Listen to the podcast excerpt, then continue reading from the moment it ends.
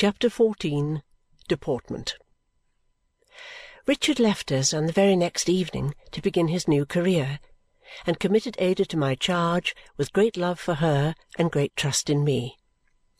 It touched me then to reflect, and it touches me now, more nearly, to remember, having what I have to tell, how they both thought of me even at that engrossing time. I was a part of all their plans, for the present and the future. I was to write to Richard once a week, making my faithful report of Ada, who was to write to him every alternate day. I was to be informed, under his own hand, of all his labours and successes. I was to observe how resolute and persevering he would be. I was to be Ada's bridesmaid when they were married. I was to live with them afterwards. I was to keep all the keys of their house. I was to be made happy for ever and a day. And if the suit should make us rich, Esther, which it may, you know," said Richard to crown all. A shade crossed Ada's face. "My dearest Ada," asked Richard, "why not?" "It had better declare us poor at once," said Ada. "Oh, I don't know about that," returned Richard. "But at all events it won't declare anything at once. It hasn't declared anything in heaven knows how many years." "Too true," said Ada. "Yes, but," urged Richard, answering what her look suggested rather than her words, "the longer it goes on, dear cousin, the nearer it must be to a settlement one way or another. Now, is not that reasonable?" "You know best, Richard. But I am afraid if we trust to it, it will make us unhappy. "But, my Ada, we are not going to trust to it!" cried Richard gaily. "We know it better than to trust it. We only say that if it should make us rich, we have no constitutional objection to being rich. The court is, by solemn settlement of law, our grim old guardian, and we are to suppose that what it gives us, when it gives us anything, is our right. It is not necessary to quarrel with our right." "No," said Ada, "but it may be better to forget all about it." "Well, well!" cried Richard. "Then we will forget all about it. We consign the whole thing to oblivion. Dame Durden puts on her approving face, and it's done." "Dame Durden's approving face," said I, looking out of the box in which I was packing his books, "was not very visible when you called it by that name. But it does approve, and she thinks you can't do better." So Richard said there was an end of it, and immediately began, on no other foundation, to build as many castles in the air as would man the Great Wall of China. He went away in high spirits. Ada and I, prepared to miss him very much, commenced our quieter career. On our arrival in London we had called with Mr. Jarndyce at Mrs. Jellyby's, but had not been so fortunate as to find her at home. It appeared that she had gone somewhere to a tea-drinking and had taken Miss Jellyby with her. Besides the tea-drinking, there was to be some considerable speech-making and letter-writing on the general merits of the cultivation of coffee, conjointly with natives, at the settlement of Borrioboola Gha. All this involved, no doubt, sufficient active exercise of pen and ink to make her daughter's part in the proceedings anything but a holiday. It being now beyond the time appointed for Mrs. Jellyby's return, we called again. She was in town, but not at home having gone to Mile End directly after breakfast on some Borrioboolan business, arising out of a society called the East London Branch Aid Ramification.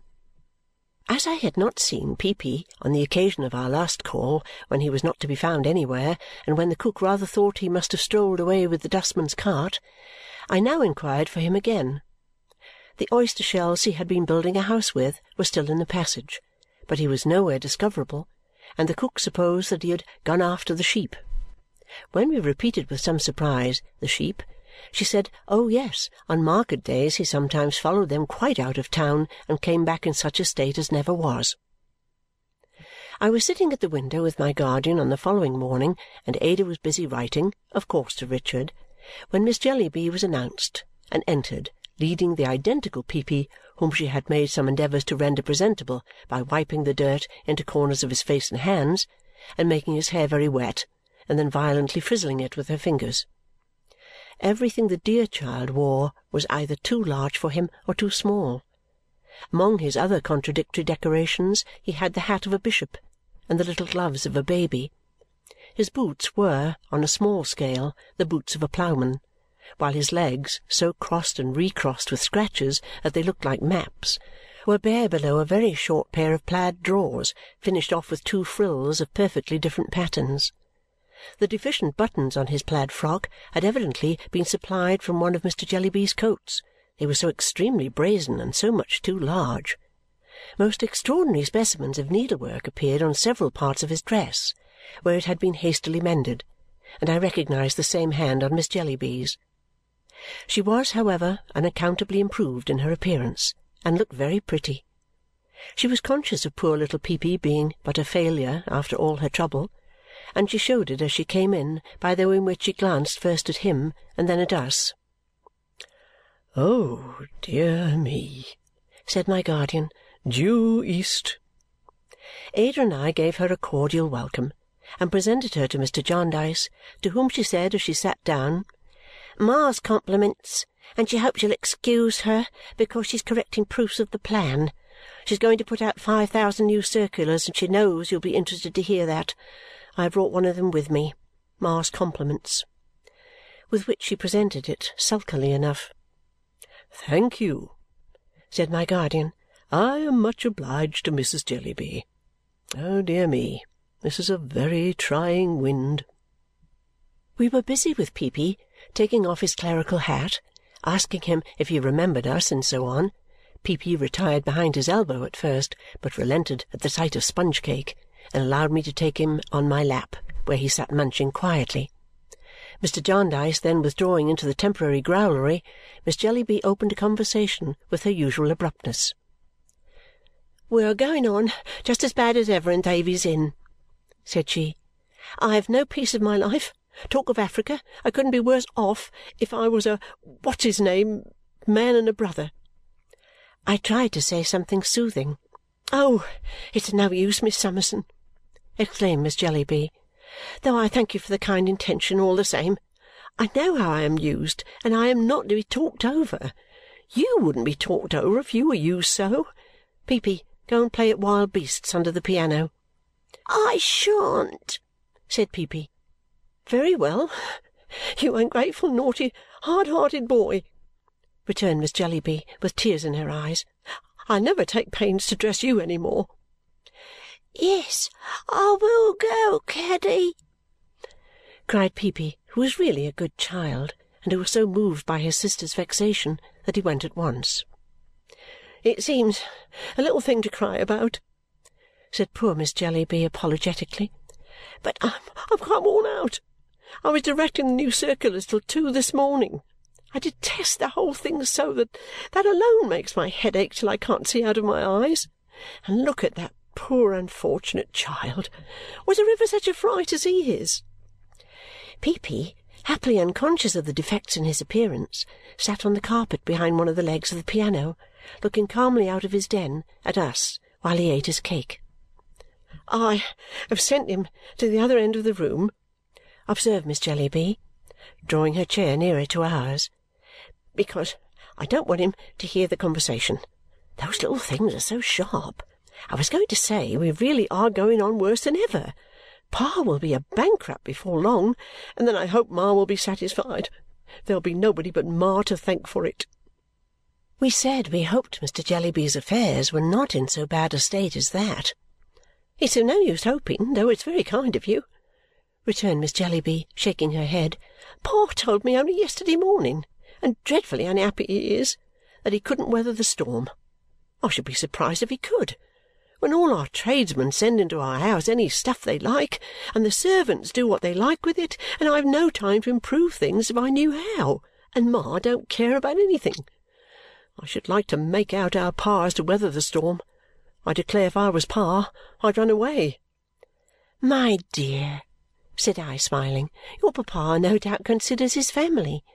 "Oh, yes, his family is all very fine, Miss Summerson," replied Miss Jellyby. But what comfort is his family to him? His family is nothing but bills, dirt, waste, noise, tumbles downstairs, confusion, and wretchedness, his scrambling home from week's end to week's end is like one great washing day, only nothing's washed. Miss Jellyby tapped her foot upon the floor and wiped her eyes. I am sure I pity Pa to that degree, she said. I am so angry with Ma that I can't find words to express myself. However, I am not going to bear it. I am determined. I won't be a slave all my life, and I won't submit to be proposed to by Mr. Quale. A pretty thing indeed to marry a philanthropist, as if I hadn't had enough of that, said poor Miss Jellyby. I must confess that I could not help feeling rather angry with Mrs. Jellyby myself, seeing and hearing this neglected girl and knowing how much of bitterly satirical truth there was in what she said. If it wasn't that we had been intimate when you stopped at our house, pursued Miss Jellyby, I should have been ashamed to come here to-day, for I know what a figure I must seem to you two. But as it is, I made up my mind to call especially as I am not likely to see you again the next time you come to town. She said this with such great significance that Ada and I glanced at one another, foreseeing something more. No, said Miss Jellyby, shaking her head. Not at all likely. I know I may trust you two. I am sure you won't betray me. I am engaged. Without their knowledge at home? said I. Why, good gracious me, Miss Summerson, she returned, justifying herself in a fretful but not angry manner, how can it be otherwise? You know what Ma is, and I needn't make poor Pa more miserable by telling him. But would it not be adding to his unhappiness to marry without his knowledge or consent, my dear? said I. No, said Miss Jellyby, softening. I hope not. I should try to make him happy and comfortable when he came to see me, and Peepy and the others should take it in turns to come and stay with me, and they should have some care taken of them then. There was a good deal of affection in poor Caddy. She softened more and more while saying this, and cried so much over the unwonted little home picture she had raised in her mind that Peepy, in his cave under the piano, was touched, and turned himself over on his back with loud lamentations. It was not until I had brought him to kiss his sister and had restored him to his place on my lap and had showed him that Caddy was laughing she laughed expressly for the purpose that we could recall his peace of mind. Even then it was for some time conditional on his taking us in turns by the chin and smoothing our faces all over with his hand. At last, as his spirits were not equal to the piano, we put him on a chair to look out of the window, and Miss Jellyby, holding him by one leg, resumed her confidence. "It began in your coming to our house," she said. We naturally asked how. "I felt I was so awkward," she replied, "that I made up my mind to be improved in that respect at all events and to learn to dance. I told Ma I was ashamed of myself and I must be taught to dance. Ma looked at me in that provoking way of hers as if I wasn't in sight but I was quite determined to be taught to dance, and so I went to Mr. Turveydrop's academy in Newman Street. "And was it there, my dear?" I began. "Yes, it was there," said Caddy. "And I am engaged to Mr. Turveydrop. There are two Mr. Turveydrops, father and son. My Mr. Turveydrop is the son, of course. I only wish I had been better brought up, was likely to make him a better wife, for I am very fond of him. "I am sorry to hear this," said I. "I must confess." "I don't know why you should be sorry," she retorted a little anxiously, "but I am engaged to Mr. Turveydrop, whether or no, and he's very fond of me. It's a secret as yet, even on his side, because old Mr. Turveydrop has a share in the connexion, and it might break his heart or give him some other shock if he was told of it abruptly. Old Mr. Turveydrop is a very gentlemanly man indeed very gentlemanly. "Does his wife know of it?" asked Ada. "Old Mr. Turveydrop's wife, Miss Clare," returned Miss Jellyby, opening her eyes. "There's no such person. He is a widower." We were here interrupted by Peepy, whose leg had undergone so much on account of his sister's unconsciously jerking it like a bell rope whenever she was emphatic that the afflicted child now bemoaned his sufferings with a very low-spirited noise. As he appealed to me for compassion, and as I was only a listener, I undertook to hold him. Miss Jellyby proceeded, after begging Peepy's pardon with a kiss and assuring him that she hadn't meant to do it. "That's the state of the case," said Caddy. "If I ever blame myself, I shall think it's Ma's fault. We are to be married whenever we can, and then I shall go to Pa at the office and write to Ma. It won't much agitate Ma. I'm only pen and ink to her. One great comfort is," said Caddy with a sob, "that I shall never hear of Africa after I am married. Young Mr. Turveydrop hates it for my sake, and if old Mr. Turveydrop knows there is such a place, it's as much as he does." "It was he who was very gentlemanly, I think," said I.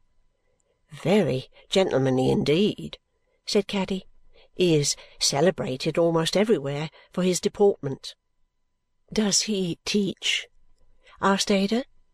"No, he don't teach anything in particular," replied Caddy, "but his deportment is beautiful."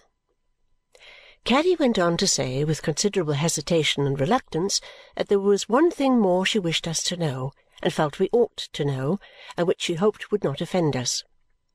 It was that she had improved her acquaintance with Miss Flite, the little crazy old lady, and that she frequently went there early in the morning and met her lover for a few minutes before breakfast, only for a few minutes.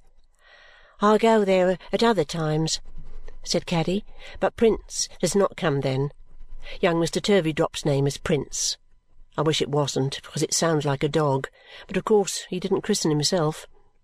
Old Mr. Turveydrop had him christened Prince in remembrance of the Prince Regent.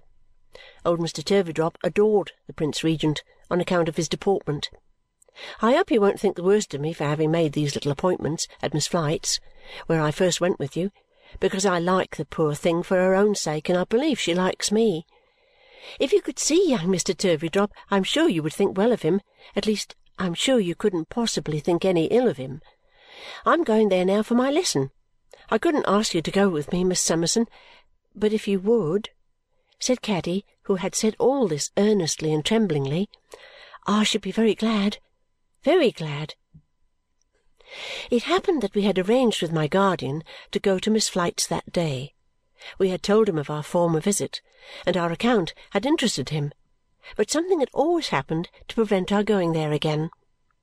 As I trusted that I might have sufficient influence with Miss Jellyby to prevent her taking any very rash step if I fully accepted the confidence she was so willing to place in me, poor girl, I proposed that she and I and Peepy should go to the academy and afterwards meet my guardian and Ada at Miss Flite's, whose name I now learnt for the first time. This was on condition that Miss Jellyby and Peepy should come back with us to dinner the last article of the agreement being joyfully acceded to by both, we smartened Peepy up a little with the assistance of a few pins, some soap and water, and a hair-brush, and went out, bending our steps towards Newman Street, which was very near. I found the academy established in a sufficiently dingy house at the corner of an archway, with busts in all the staircase windows. In the same house there were also established, as I gathered from the plates on the door, a drawing-master, a coal merchant there was certainly no room for his coals and a lithographic artist.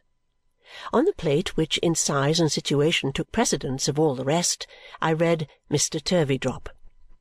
The door was open, and the hall was blocked up by a grand piano, a harp, and several other musical instruments in cases, all in progress of removal and all looking rakish in the daylight.